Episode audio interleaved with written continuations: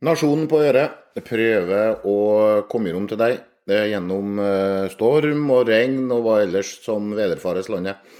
Eh, kommentator Hans Porsgaard skal snakke om at vinterens strømkrise er avblåst. Men vinteren 2027, der er det virkelige problemet. Høsten i år kom tidsnok. En gang i forrige uke passerte vannstanden i norske kraftdammer medianfyllinga. For første gang siden juni 2021 har vi altså mer vann i magasinene enn hva som er normalt for årstida. Høsten har vært slik klimaforskerne har sagt at blir mer vanlig. Våtere, villere og mildere. Dermed blir det mer vann- og vindkraft, samtidig som forbruket synker. Sommerens og høstens strømimport er nå avløst av eksport. Det blåser og regner mer enn vi kan bruke eller lagre sjøl akkurat nå. I juli i år advarte Statnett om inntil 20% sjanse for strømrasjonering til vinters. Men nå er faren over. Imidlertid kan krisen finne på å leve en stund til i politikken.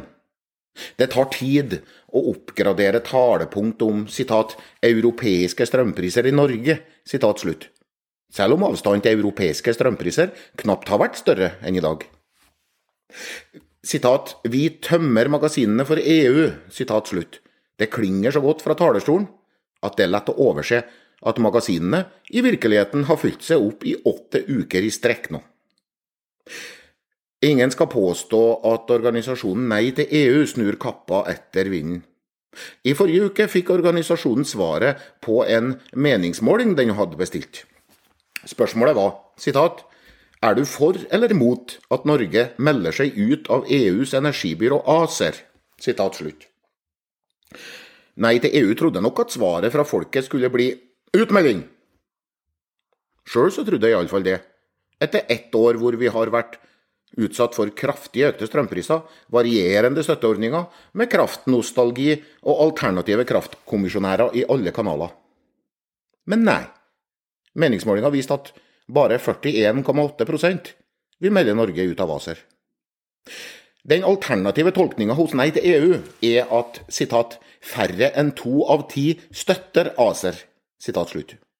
Det ville vært et godt poeng dersom spørsmålet var om folk støtter ACER. Men ACER er jo allerede her. Spørsmålet som ble stilt, var om folk flest vil melde oss ut av ACER. Svaret ble altså nei. ACER-paraplyen sørga for kraftig magasintapping i fjor, men har ikke klart å avlede naturkreftene fra å treffe landet. I dag har vi nok vann, strømpriser som er lavere enn på kontinentet vi konkurrerer med. Normalsituasjonen fra 1991 til 2020 er altså tilbake. Marit Arnstad er aldri blitt beskyldt for å være noen værhøne.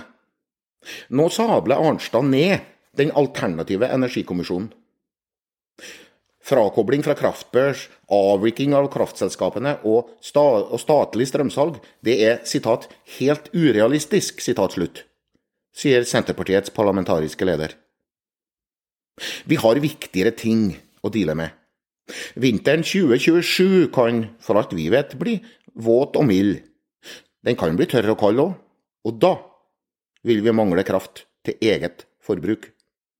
Statnetts korte markedsanalyse er at forbruket innenlands vil vokse fra 140 TWh til 164 TWh på fem år.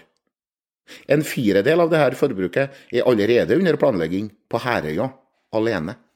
Vi har, mange, vi har planer for å bygge 6 TWh ny produksjon før 2027. Men om vi klarer det, vil Sør-Norge likevel altså mangle 7 TWh i et normalår. Konsernsjef Hilde Tonne i Statnett sier vi trenger å få fart på utbygging av kraftproduksjon. Ja, må vi det? spør skeptikerne. For vil ikke frihandel og, og kabler bare føre den nye krafta ut av landet? Sånn at det ikke blir verken lavere strømpris eller økt industribygging i Norge, bare økte naturinngrep? Vel, la oss se på forrige uke. Kraftproduksjonen i landet var langt høyere enn det nasjonale forbruket. Vi eksporterte en del, og importerte litt. Det var god plass i kablene for import av såkalt europeiske priser. Men det skjedde ikke. Kraftprisen i Sør-Norge var 96 øre lavere enn i Tyskland i forrige uke. Kan prisene bli europeiske på lang sikt? Nja, det svenske gruveselskapet LKAB tror ikke det. For ellers ville jo ikke gruvegiganten bygd en ny fabrikk på Herøya i Norge for å smelte sjeldne metaller ut av den svenske malmen sin. Vi kan ikke alltid inn i framtida importere all ny kraft som vi måtte trenge. Det norske sentralnettet er begrensa. Det er ikke plass til mye mer importkraft fra utlandet og til ny industri på Vestlandet. Og så slår gårdbrukerens instinkt inn hos meg. Bør vi ikke holde oss med kraft sjøl i et energirikt land? Bør ikke vestlandsindustri drives med vestlandsk, eller iallfall norsk kraft? Slik vi trøndere har bygd oss sjølforsynt med kraft i det siste tiåret. Slik nordlendingene nå bygger vindkraft rundt sine industritomter. Vi har ikke mye tid. Det er bare fem vintre til 2027, og den næringsbyggende Duracell-kanin Jan Christian Vestre ser nye kraftforbrukende fabrikker for seg hvor han enn går i li og fjell. Den ekte energikommisjonen skal gi sine råd 1.2 neste år. Dersom den ikke får utløst nye kraftverk rimelig kjapt, bør regjeringa i det minste sette Jan Christian Vestre i husarrest. Ellers kan vinteren 2027 bli både hustrig, kald og stygg. Vi får se. Eh, Hans Borsgaard og Nasjonen på Øre ønsker deg i hvert fall en kraftfull dag videre.